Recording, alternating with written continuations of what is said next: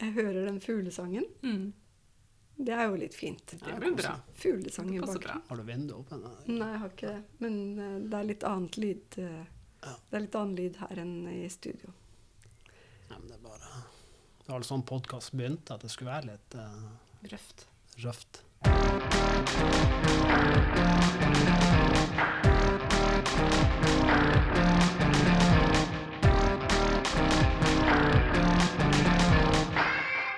Vi er tilbake til start, Ole. Har du tenkt på det?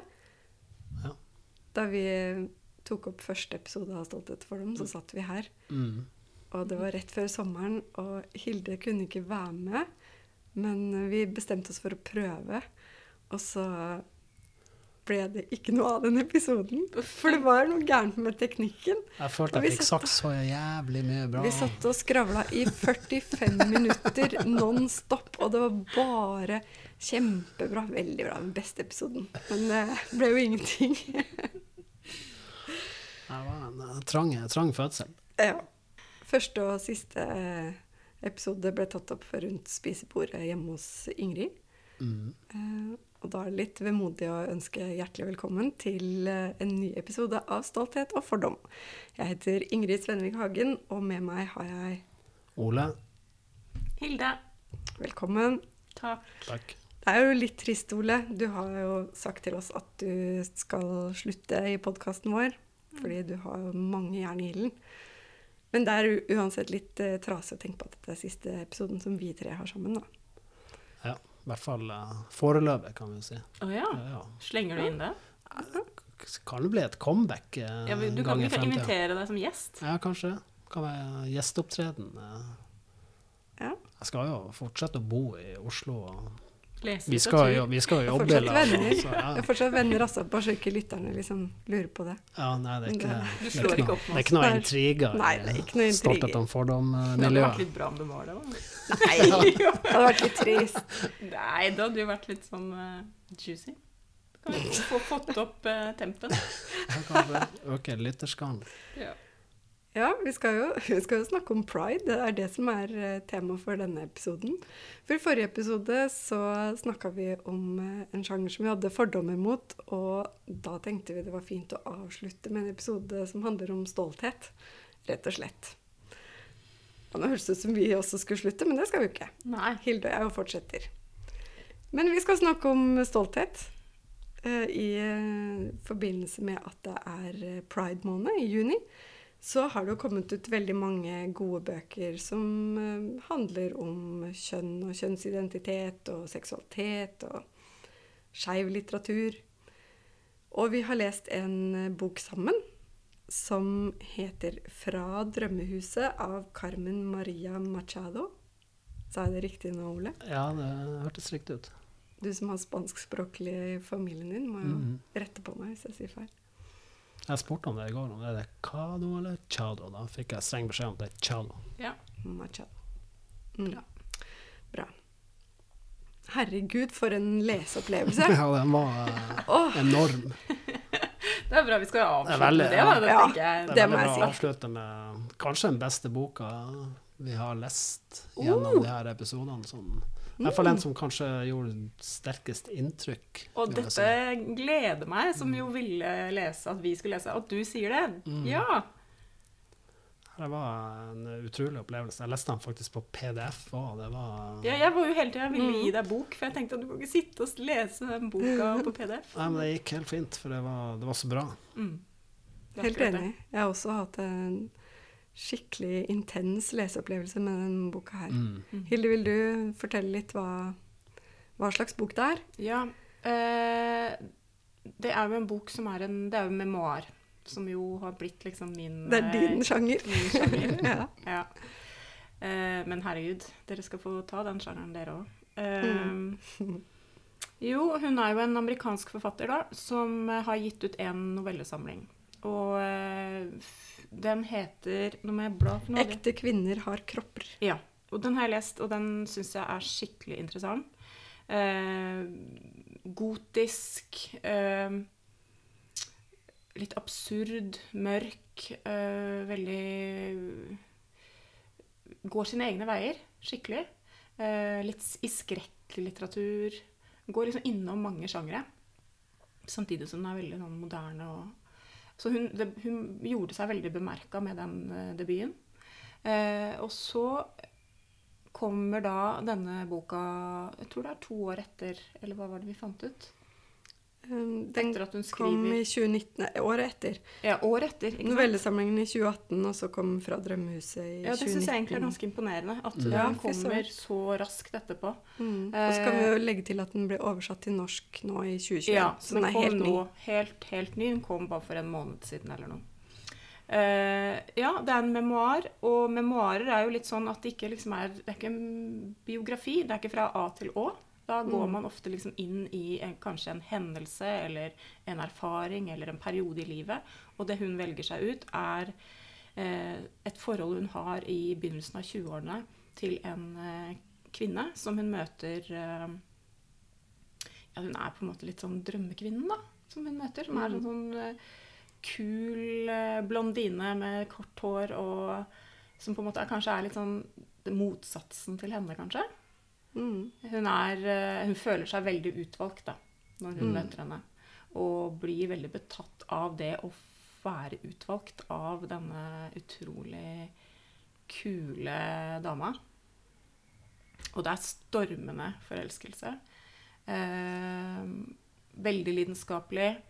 Eh, og veldig Alt dette som den store kjærligheten og den store forelskelsen er. da, Der du alle følelser, hele registeret, og det å satse. Virkelig tørre å satse, da. Så det er det hun gjør. Greia er at de eh, De skal jo på en måte inn, De innleder jo et eh, seriøst forhold, ikke sant? Der hun ene bor og jobber eh, i en studentby. Og, hun, og hun kommer jo, og jeg-personen da kommer til henne og blir tar på en måte, Går inn i hennes liv. Ja. Ja. Eh, så det begynner jo som enhver fantastisk kjærlighetshistorie med at alt bare er helt, helt, helt nydelig. Eh, Mm. Og så gradvis, sakte, men sikkert, så begynner det å skurre. Mm. Og det er sånne små tegn hele tiden Mm. Som man som leser og utenforstående forstår at oi, det her er jo ikke greit. Ja. Men som man, når man er forelska og i et forhold, så tenker man at ja, men det her er jo sikkert sånn, sånn det er, eller Hun er sikkert bare litt sliten. Ja, hun har bare litt kort kort lunte. Veldig sånne Det første merket er jo en sånn slags en sjalusi. Det er det som melder Mm. seg først. En sånn Ja.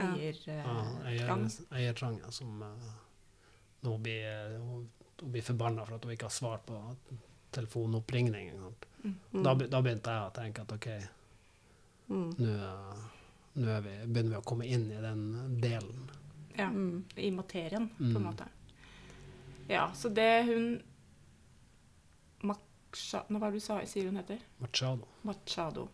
Det hun gjør, er at hun skal skrive da om denne perioden der hun går inn i et forhold som blir et uh, eh, Altså et, et mis, altså hun blir misbrukt, rett og slett. Et, Mm, eh, både fysisk og psykisk. ja, Mm. Uh, altså det er et voldelig forhold. Psykisk og fysisk voldelig forhold. Og, hun beskri og det er disse skrittene, hvordan hun går inn i det og bare vikler seg inn i det. Mm. Og nærmest ikke forstår at hun kan komme ut av det, og at hun kommer seg ut av det. Mm. Eh, Men det som jo er så enestående, er jo at hun gjør det på en måte som vi aldri, aldri har lest før. Det er Mm. helt Mm. totalt nyskapende litteratur. Eh, og det er jo en av grunnene til at jeg elsker memoarer. Og ikke hvilke som helst memoarer, men det er noen memoarer som, der man toucher borti dype tabuer som man bare skjønner den, den som skriver. Du skriver om ditt eget liv, og du må få en slags avstand til å kunne klare å skrive om det. Så er det det at det veldig ofte skjer en eh, Det skjer noe veldig nyskapende i hvordan man skriver det. Fordi man må gripe det an på en helt ny måte for å klare å gjøre det. Og det er i hvert fall tilfellet her. Mm. Men en grunn til at du også skriver på den måten, er jo at det fins ikke noe litteratur om vold i en nær relasjon mellom to kvinner. Så Nei. må, hun må på en måte finne opp Ja, det er Mm, også et mm. nytt nytt poeng, altså. Ja, at hun, Mm. og det er jo en grunn til at hun har det, var det trope, i overskriften. Eh, Jeg leste et intervju med henne der hun, hun skulle ønske hun hadde en politirapport, Mm. noe hun Mm. kunne vise fram. Ja. Men hun måtte lage sånne type overskrifter, sånn 'Drømmehuset som begravelse', f.eks., eller Mm. noe sånt, for å, å finne et narrativ som allerede eksisterte. Mm. Og Og det er jo ganske korte kapitler også. Her er det Mm. 'Drømmehuset som dagdrøm', 'Drømmehuset som erotikk'. Mm. Alle kapitlene har sånne navn, da. Og så er det mye fotnoter og mye sånn referanser til Det måtte jeg også Mm. google. mo- Motiv eh, historic literature. sånn. ja, hun har brukt en sånn uh, En slags uh, oppslagsverk Ja, noe sånt. Uh, som Fabler og alle mulige slags sagn og ja, karakterer eller typer eller troper Mm. eller Fra folkelitteraturen og eventyr og ja, kjenner jo igjen veldig mange temaer derfra. ja, Den heter 'Motive Index of Folk Literature'. ja. A classification of narrative elements in folktales, ballads, myths, fables, medieval romances osv. osv. Mm. Jeg tenkte det var noe som var Omfattende fant og på teoretisk. først. Liksom. Ja, Hva er det for er noe som eksisterer? Så, Og det er også veldig interessant med denne boka her, at man må google litt, fordi det er så mange spennende referanser. Både musikkvideoer Mm. Jeg fikk jo, jeg måtte jo inn og se på Amy Mann sin uh, ja. musikkvideo på um, YouTube. Nå husker jeg ikke hva den het i farten, men det var i hvert fall veldig Det er et kapittel hvor hun sammenligner to videoer hvor uh, Amy Mann eh, har laget to forskjellige sanger som ligner på hverandre helt i videouttrykket, da. Um, og så, ja, Det er mange referanser her som som handler er om en, en relasjon som er Ja, voldelig. Ja, der så den det er ene er- tematisk ja. Der den Samme, ene er vel eh, på en måte sensurert, på en måte. Ja, det er en Mm. Det er en musiker, en kvinne som er musiker og vil satse på musikken, og så er det en litt sånn finanstype, litt sånn slesk mann som ikke vil la henne leve sitt eget liv, da. Og det er jo Ja, Ja. det brukes veldig fint i, i boka her. Alle de, alle de stedene hvor hun refererer til andre ting, så var det morsomt å, å søke opp og se hva er det egentlig hun Ja, i hvert fall på de referansene jeg ikke skjønte eller kjente til, da. Det kan ikke ha vært noen lett bok å skrive der. Vært Man forferdelig. Den er helt forferdelig. Man har brukt lang tid på å finne formen, men også få ut uh, jævelskapen, Ja. rett og slett. Det som er jeg syns er veldig interessant, og som er på en måte kanskje grunnleggende i det vi snakker om, da, at hun velger seg i denne formen, er jo at hun peker så tydelig på dette tabuet om at kvinner som lever sammen, kan ikke eh, være voldelige mot hverandre. Fordi det er på en måte sett på som en sånn maskulin eh, Mm.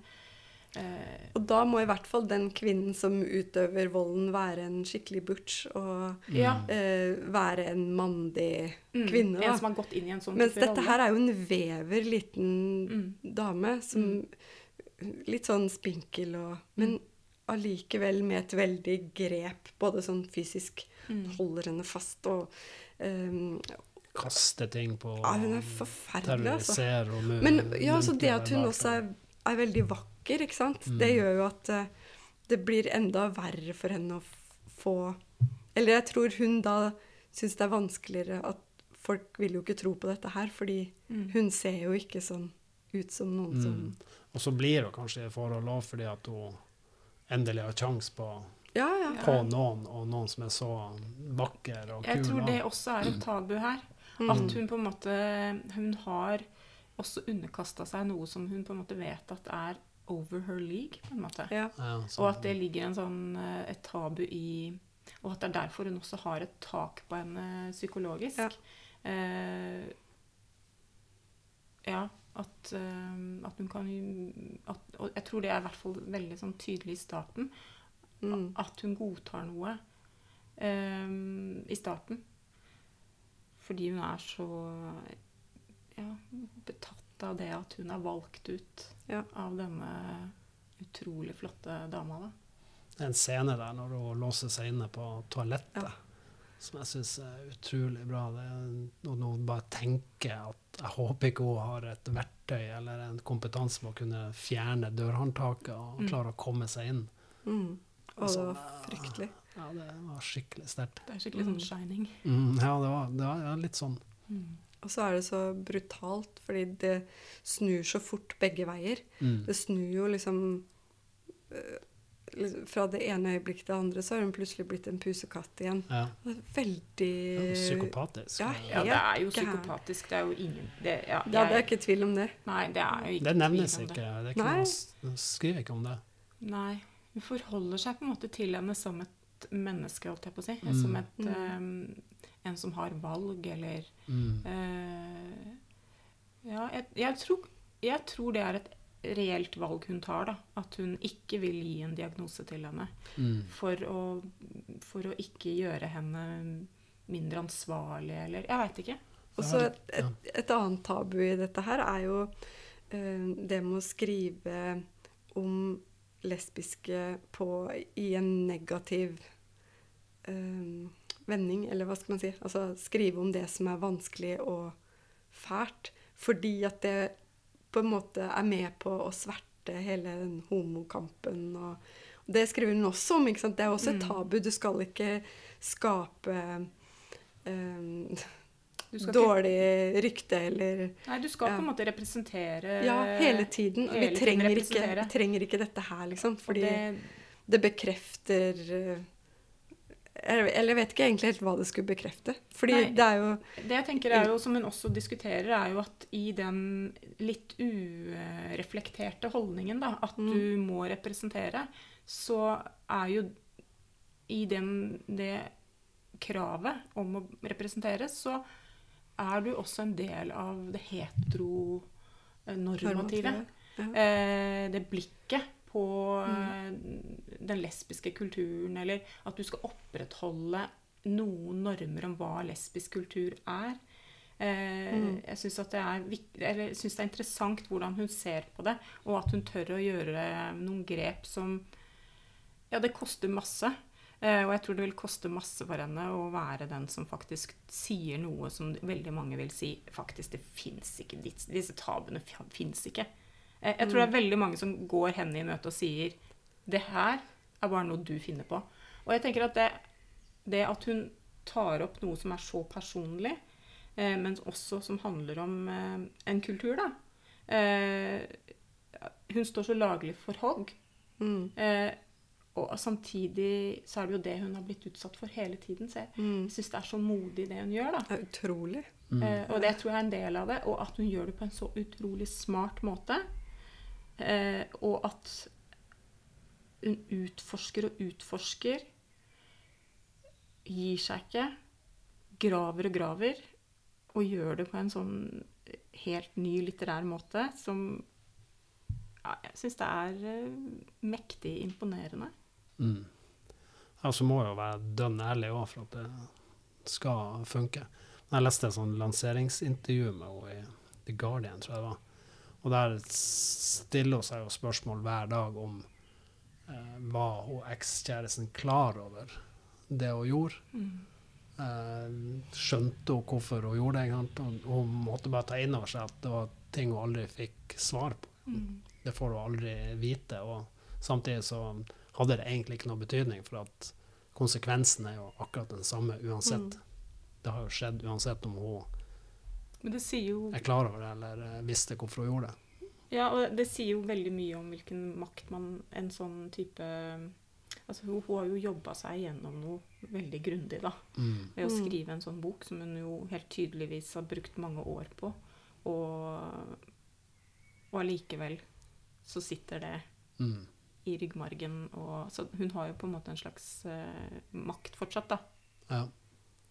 ja, for hun sa vel i det intervjuet at hun kunne fortsatt uh, tenke på ting som ble sagt, eller få en følelse av at hun var i rommet, eller Altså hun hadde på en måte litt kontroll på enda, Mm. etter, eh, etter så lang tid. Selv om hun nå er lykkelig gift med en ny dame. Og, jo som interessant nok er eh, For det er jo interessant. Ja, det er jo det. eh, Hvordan det ble de to. mm, Eh, fordi det starter jo med at hun møter denne blondinen, ikke sant?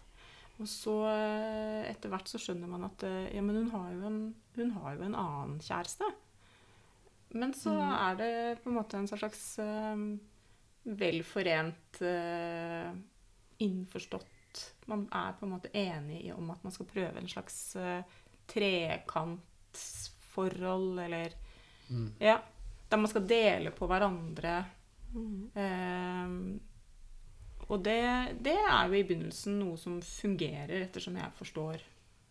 Eller hva tenker dere? Jo, det fungerte til, helt til drømmedama sa at eh, 'jeg vil bare ha deg'. Ja, ikke sant? Det det, altså, om det er det- hetero eller homofilt Det, s- forhold, så ville det alltid på et eller annet tidspunkt eh, skal ha en liksom to damer og tenke at det her går greit, og så Eller du har bare, du har bare en uh, pulekompis, eller pulevenninne, for å bruke et sånt Mm. begrep, og så går det et litt, litt tid, og så må det begynne å bekke den ene eller andre veien. Ikke sant? Mm. Hva skjer nå? Skal vi fort, kan ikke fortsette sånn her. Enten må vi bli sammen, eller så må vi bryte. Mm. Og da bryter hun med Val, som er liksom den forrige kjæresten. Mm. Og så er det jo Val og Carmen som finner hverandre helt til slutt. Og det må Mm. jeg si var en veldig sterk avslutning. Veldig, veldig. veldig. Veldig. Mm. Åh, det er uh, Og så gir det mening, ikke sant? Fordi Mm. det, det er noe med at hun står så utrolig aleine og kjemper denne kampen inni seg om mm, hva som er sant og ekte og virkelig og um, det, går, det er en slags Mm. rettssak som foregår inni henne, og som hun hele tiden og som hun bruker den boka på å sortere ut. Og det vi ikke sier, som jeg også syns er veldig interessant, er jo nettopp det å bruke troper. da, Altså det å bruke forskjellige typer karakterer eller eh, eh, sjangre som vi kjenner til. da, ikke sant? Romantiske, Mm. eller eh, thrilleren, eller Mm. eh, heksa, eller eh, ikke sant? Alle de her eh, som vi vet som er fylt med innhold. Ja. Vi vet hva det betyr når noe Mm. er en thriller. Og det er det hun peker på. Det er jo en metabok. mm, Fordi hun diskuterer jo litteratur, og hvordan eh, litteraturhistorien har bare fylt opp alle disse sjangerne og tropene med innhold som vi som lesere bare tilfører verket helt automatisk. Mm. Eh, Det funka veldig bra. Da. Ja, det funker så bra. og det som er interessant, er at hun fører det over på virkeligheten. Ja. At det er jo også sånn vi ser mennesker rundt oss. Det er sånn vi lager historier av livene våre. Eh, og så plutselig har du blitt heksa. Ikke sant? Det grepet er så godt, fordi Mm. det, det gjør noe med hvordan man ser liven, livene våre. Og hvordan vi Mm. tenker om litteratur. Eh, Vi må jo snakke litt om den delen som heter 'Drømmehuset som velg ditt eget eventyr'. ja. For det syns jeg er et veldig eh, spennende grep. Eh, ganske langt ut i romanen, for der skriver hun, og så sier hun Hvis du velger Eller så når du har lest en side, så står det 'gå til side 209'. Eh, og så skal man liksom bla seg fra 204 til 209. Men så gjør man jo ikke det. Man leser Nei, bare ikke videre. Ikke jeg heller. Ikke Ikke Ole heller. Ikke jeg heller. Jeg leste rett uh, videre. Jeg kjente Nei, det orker jeg ikke. Nei, jeg, jeg orker ikke å begynne med det. Men det som er poenget her, er jo da at eh, her er du en side hvor du ikke skulle ha vært. Ja. Det er umulig å finne veien hit av seg selv. Det er bare mulig ved å jukse. Ja. Det er veldig morsomt. Jeg syns det var veldig Det var skikkelig smekk på fingeren. Ja, også, Men samtidig, selv om det høres veldig sånn humoristisk og morsomt ut, akkurat det her, så er det jo også Er du et monster? Kanskje du er et monster. Så hele tiden den derre Akkurat det samme som hun drømmekvinnen gjør. Skape liksom sånn ekkel følelse i deg Mm. når du Tvilen. Ja, Mm. og det skjer med meg som leser når jeg ikke har gjort sånn som hun sa, Ja. og gått til den siden. Mm. Så blir man litt stressa av at det kanskje er et monster. Men ja, jeg syns det var kjempespennende. Det gjør feil, ja. Mm. Å, ikke gjør feil. så gidder jeg gidder ikke å rette det opp heller, når jeg først hadde gjort en feil. Så gidder jeg ikke å begynne på de neste Nei, av sidene. og du og ikke bla, det. Da, prøvde jeg bare å ignorere den stemmen hennes. Bare ja, OK, whatever. La meg komme videre. en gang. Mm. Men hun bruker jo også andreperson. Det er jo et viktig grep. Ja, Altså, sant. så Mm. skriver jo ikke fra Mm. kanskje noen sider der er jeg-personen Ja, Stort det er sett så, er veldig det jo, så er det jo du. Mm. Mm. Det er sikkert òg taktisk for å kunne ha en avstand til Mm. Og kanskje også for å innlemme leseren. mm. At det blir mer At man Ja. føler seg mer liksom, trukket inn i teksten. Mm. Og Ja, at dette her gjelder jo faktisk flere, ikke sant? Ja, for det som er så fint når vi går inn i boka, husker Mm. dere det? Eh, kan du ikke slå opp helt for den, Helt i starten? Helt, helt, helt, helt, den epigrafen, eller Ja, det er nydelig. de starten. ja, den, Det er så utrolig fint. Vet du, Ja. Da ble jeg Jeg var kjempe... Jeg- jeg- Vanligvis så syns jeg de der uh, epigrafer, det har du kalt det, syns det kan være litt sånn pretensiøst. Ja, At du skal liksom Bob ramme Dylan- inn- Bob Dylan-sitat eller noe sånt. Men her syns jeg det var utrolig bra. Hvis du trenger denne boka, er den til deg. Mm. Mm, det er veldig fint. Det og Ja, avslutningen sånn syns jeg var helt gull. De siste sidene, så, eller de siste linjene som er til Val, det syns jeg også var veldig fint. Så likte jeg også det der med at hun eh, hater prologer. Ja. Ja. Kan du ikke bare skrive Ja. når du har en prolog, og så blar du over til neste side, så Det er er det en prolog. Sånn. Ja, men den er, den er jo lærd. Den er sprenglærd, og Mm. samtidig ikke eh, Det er ikke sånn show-off, ikke sant? Nei. Ikke i det hele tatt. Den har bare brukt alt hun har lært, bruker hun til noe som for å komme seg videre. Mm. Eh, det er eksistensielt, da. Hun bruker det hun har lært for å klare seg. Eh, for å Mm. lage denne historien om til noe hun kan leve med og forstå. Eh, og gi videre til andre. Dette har jeg erfart. Jeg skal fader meg ikke erfare dette helt forgjeves, liksom. Mm. Dette gir jeg videre til andre. Sånn at eh, man kan kjenne igjen, vite når man står i dritten, og noen virkelig bruker deg. Ikke sant? Ja, Ja. absolutt. Eh, Og der er vi jo ved kjernen i hvorfor det er viktig med historier som, som handler om pride eller stolthet eller kjønn eller alle de erfaringene som, som man trenger å få bekrefta at dette her er jo faktisk eh, Det skjer med andre mennesker Det også. Det skjer. Du er ikke alene. er ikke alene. Og det tror jeg kanskje er noe av det viktigste med å trekke fram uh, pride-litteratur, da. Hvis man skal liksom på død og liv sette en sånn merkelapp på det. Jeg blir liksom svett av de Ja, fordi det merkelappene. er. Ja, vi trenger kanskje ikke Ja. si pride, men vi kan si skeiv litteratur, for at pride Ja. og Ja, det er jo liksom den der, festival. Ja, og så er det veldig sånn den, Det er jo nettopp den stoltheten. Jeg tenker jo at det er det å, rive ned noen etablerte ideer, da. Mm. Som kanskje pride- pride-bevegelsen er med på å skape. Kanskje Ja. eh, Ja. Det der å gjøre noe større og si vi er enkeltmennesker. Vi er eh, helt forskjellige innenfor eh, eh, noe. Akkurat som heterofile mennesker er, eh, har alle mulige erfaringer, så må vi også få lov til å ha alle mulige erfaringer. Vi kan Mm. ikke representere de an alle andre. Jeg må få lov til å representere meg selv. Og det innlegget i den Det å starte den debatten, som jeg jo får en følelse av at hun føler at hun gjør, da, Mm. den er utrolig viktig. Jeg tror det er en viktig bok for um, folk som lever med vold i Ja, nære uansett. relasjon, uansett Ja, ja. forhold. Men det er jo kanskje spesielt viktig for de som lever i et lesbisk forhold. Der det, det skjer for at Som du, som du sier, det, det er kanskje tabulagt å snakke om fordi at det skal jo, har vel nevnt noe sånt, at det er jo egentlig et paradis. ikke sant? Leve to Ja. kvinner i lag og Mm. slippe unna. Men det er jo ideen mannen. om hva kvinner er, ikke sant? Mm. Uh, og hva, ideer om hva mannen er. Og det er det hun peker så innmari godt på. Det Mm. gjelder oss Mm. alle, ikke sant? Fordi vi, putter, vi har alle disse ideene og forståelsene og horisontene våre, og som blir så trangt, da. Mm. Eh, og som til slutt liksom biter oss i ræva, ikke sant? Selv om man kanskje Det var veldig bra i begynnelsen å ha en sånn frihetstanke om det lesbiske parforholdet, da. Mm. Når man skulle begynne å si at det fins. For det var jo en periode man ikke Mm. kunne, altså man kunne jo ikke si at det fantes engang. Ikke sant? Mm. Eh, ja.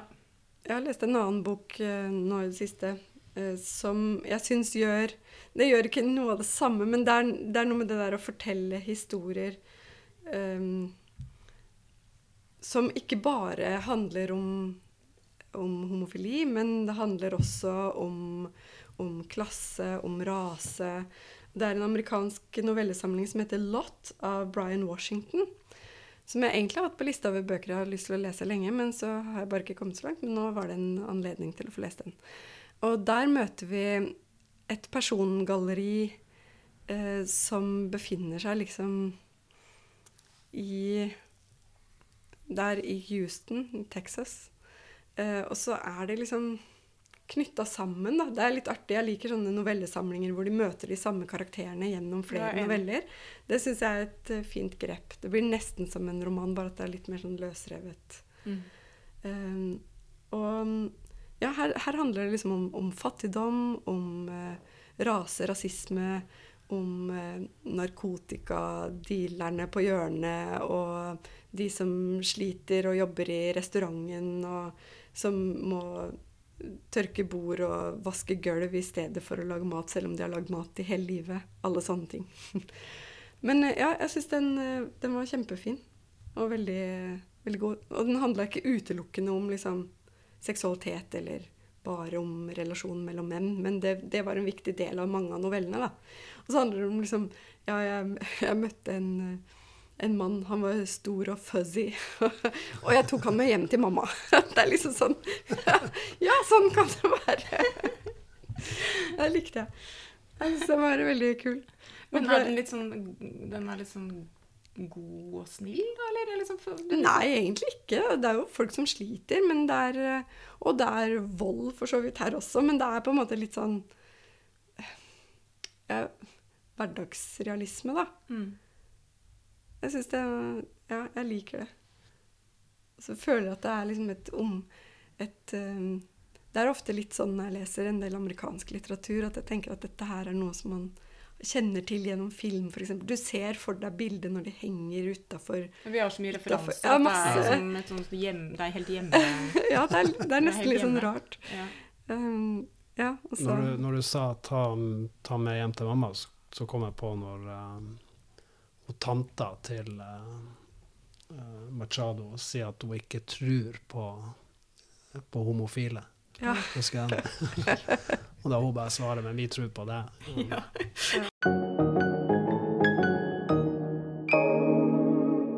Mm, Hva har du lest, Ole? Jeg leste ei bok som heter 'Hesteguttene' av eh, Johan Ehn, eh, svensk eh, forfatter. Ble nominert til Nordisk råd i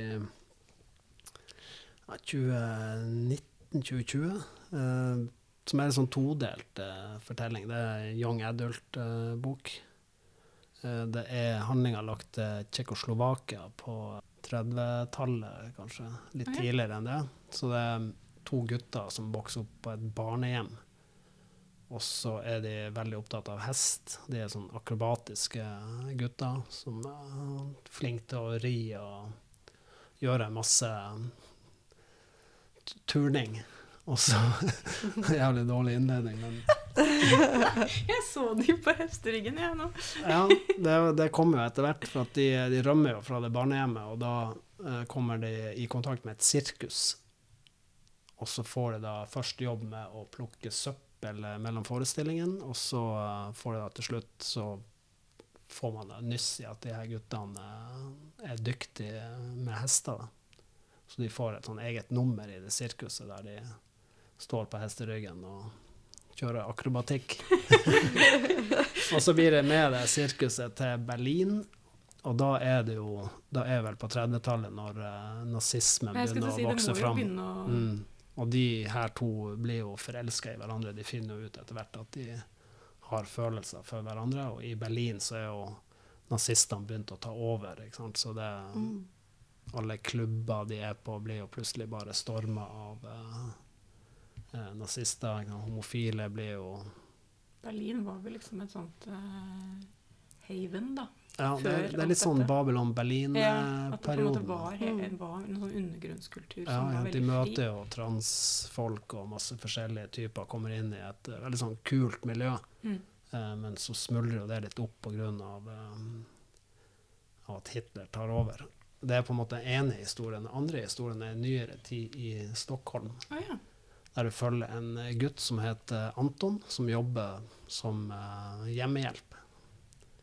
Og han er da eh, pleieren til en av de her guttene, som da nå nærmer seg 100 år. Så, og han er òg homofil, Anton, og veldig glad i hest, så han ser jo bilder hos han og begynner å utvikle et slags vennskap med han, da, men han kan jo ikke snakke, han, så de kommuniserer med at han én dunk med stokken er ja, og to dunk er nei. Så sånn Mhm. kommunisere det og finne nøster han liksom opp i historien hans. Samtidig som Anton eh, er forelska og opplever jo litt av eh, Ikke det samme som de gjorde i Berlin, men han opplever jo også fordommer og Mm. får litt sånn Sverigedemokratene-feeling på måten Ja, ja, for jeg tenker at det, liksom, at det viser at det er litt av det samme som skjer. Ja, så Eh, lenge etterpå, mm. så er det selvfølgelig blitt bedre, men det er fortsatt den uh, Jo, men den vendinga i samfunnet Mm. som jo Ja, ikke sant, som Ja. jo smyger seg inn nå. At det har vært kjempefritt, og så bare Så Ja. er det et eller annet som skjer, som begynner å tuk, tuk, Så snur det i Ja, så du får litt den der når de er på bar og sånn, så kan de overhøre de folk snakke ikke sant, om innvandrere, for eksempel, eh, homofile, Mm. alle som ikke er sånn som den ariske rasen. Så eh, utrolig fin bok. Eh, ikke sånn, det er ikke actionfylt, det er ikke sånn Det går sakte med Ja. tjukk bok, men det er veldig sånn er rørende forhold mellom han og han, Alexander, eller Sasha, som han kalles, han gamle. han gamle. Mm. Så um, han finner jo noen brev i leiligheten som han også får oversatt sant, for å prøve å finne ut mer om historien. Og så har han Mm. samtidig sjefen som er veldig opptatt av at han ikke skal må ikke involvere deg for mye med pasienten. og sant, Det er litt sånn effektivisering. Sant? Mm. Hvor lang tid du skal bruke der. og han kan ikke, Du må ikke dra på besøk dit når du ikke er på jobb. Mm. Mm. Som han Anton da sliter litt med å forholde seg til. Så det er en utrolig fin bok utgitt på Mangskau nå nylig. Den hørtes kjempefin ut. Veldig. Mm, først så tenkte jeg at du skulle fortelle om at den var veldig dramatisk, men så Det Ja, hørtes så fint den- ut at den ikke var Ja, det er ikke sånn, eh, det er ikke sånt drama i den. mm. Det er jo litt I Berlin-perioden så er det jo litt Føler jeg en del voldsepisoder og sånn, Det er også klaustrofobisk. Altså, fra Drømmehuset er jo klaustrofobisk å lese det. Det er det òg når du er i Berlin i den perioden der. så er du, Når du er på en klubb, så er du hele tida redd for at faen, nå er det noen som blir å storme. Mm. Ja, for det, du Det var en reell fare for det. Ja. Mm, så du, du leser en sånn frykt Mm. uh, ja, i den Berlin- Berlin-perioden i hvert fall. Mm. Hilde, hva har du Ja, jeg har lest også en eh, Det kan kanskje kalles en slags novellesamling, men det er jo ikke det. Det er eh, OK. ja, Jo, men det er ikke en roman sånn at det begynner der og slutter der. Nei. Det er sånn punktnedslag i uh, hendelser. Uh, og det er Garth eh, Greenwell, som er en amerikansk eh, forfatter, som eh, har skrevet en, sin andre bok som heter 'Cleanness'. Ho hovedkarakteren er da en eh, en professor i amerikansk eller engelsk eh, litteratur, så han underviser i det på universitetet. Eh, kan, eh, han kan språket, så han har tydeligvis bodd der en stund. Eller kanskje bodd der før, kommet tilbake. Eh, det sier han på en måte ikke helt sånn tydelig. Og han er homofil. Eh, og det er jo på en måte ikke noe du kan være åpen i eh, i Sofia. Kanskje i enkelte miljøer, men det er tydelig at man, må liksom, Mm. man vet veldig godt hvor og ikke, osv. Det starter med en eh, ekstremt eh, heftig seksuell Et seksuelt møte mellom han og en mann som han har møtt på nettet. Så han møter da en eldre, stor, feit mann som eh, jo gjør alt som han vil, denne jeg-personen. Men så er det som han, han pusher han akkurat litt for langt. Og når han blir pusha akkurat for langt, så skjer det noe med denne eldre karen som Det er forferdelig vondt å lese, fordi det er eh, Det går fra noe seksuelt spill til et maktspill til noe som går over i eh, vold, da. Ikke sant? Mm.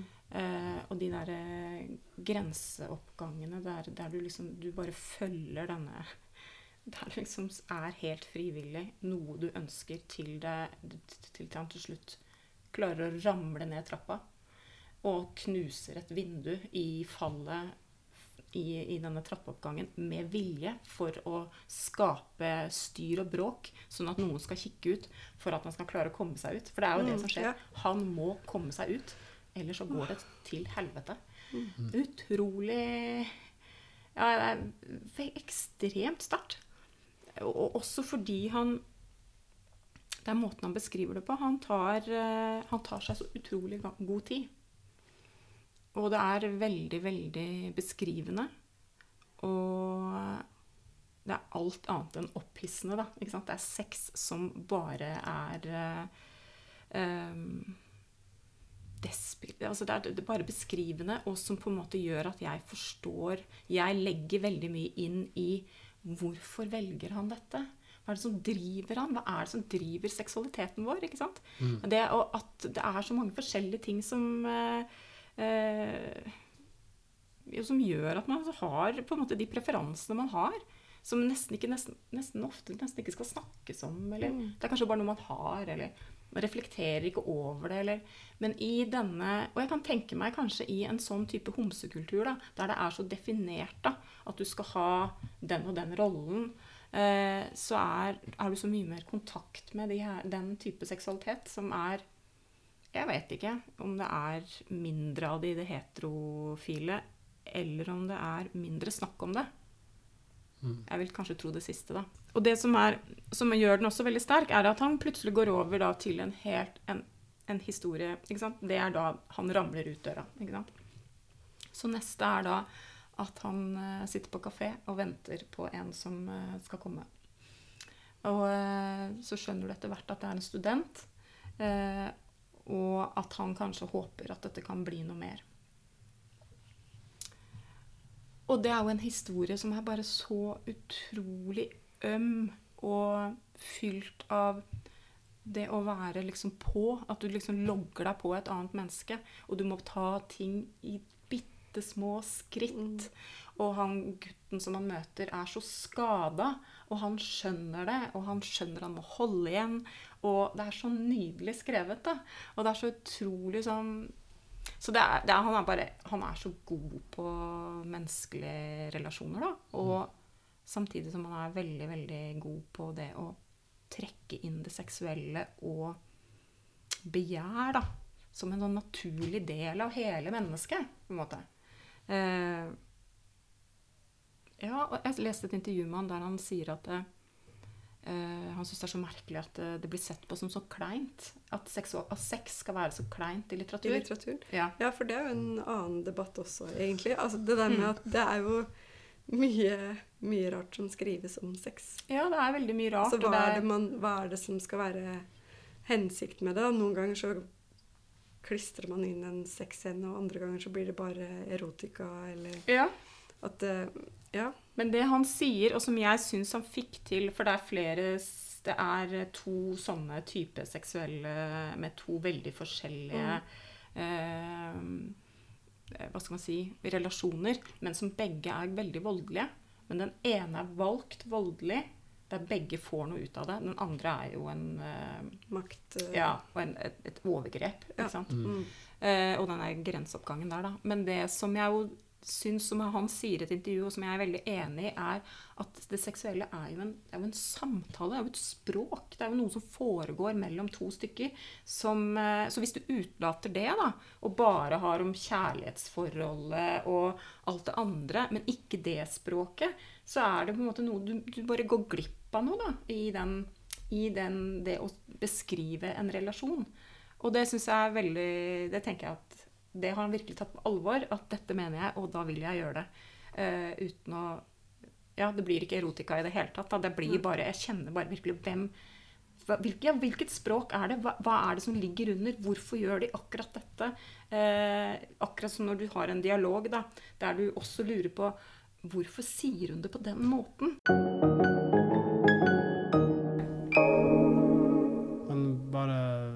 Bare si en ting til om Fra drømmehuset. Jeg tror vi må, vi må gi kred til oversetteren.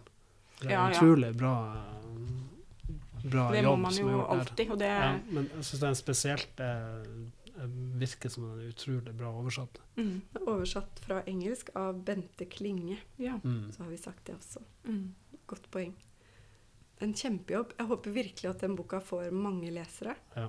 Og så har jo lytterne våre fått flere gode tips i løpet av denne. Da ønsker vi lytterne våre riktig god sommer. Tusen takk til alle som har hørt på oss. Og takk til deg, Ole, for eh, flere fine år. Hvor lenge har vi holdt på nå? To, to år? ja. Ja. Nesten tre. Det, I august ja. tror jeg nesten Det har vært, uh, vært moro, så tusen takk for Du har ikke bort alle samtalene. Nei, det har jeg ikke. Det er bra. Nei, det har vært uh, mange gode erfaringer. og Fotnote som jeg driver med som en annen podkast, det er jo et resultat av at du fikk meg med, Ingrid, på den her. Så du er en slags mentor på podkastfronten. Og nå rødmer jeg. Tusen takk. Det her blir slutten. Det òg. Ok. God sommer. God sommer! Ha det. Ha det bra.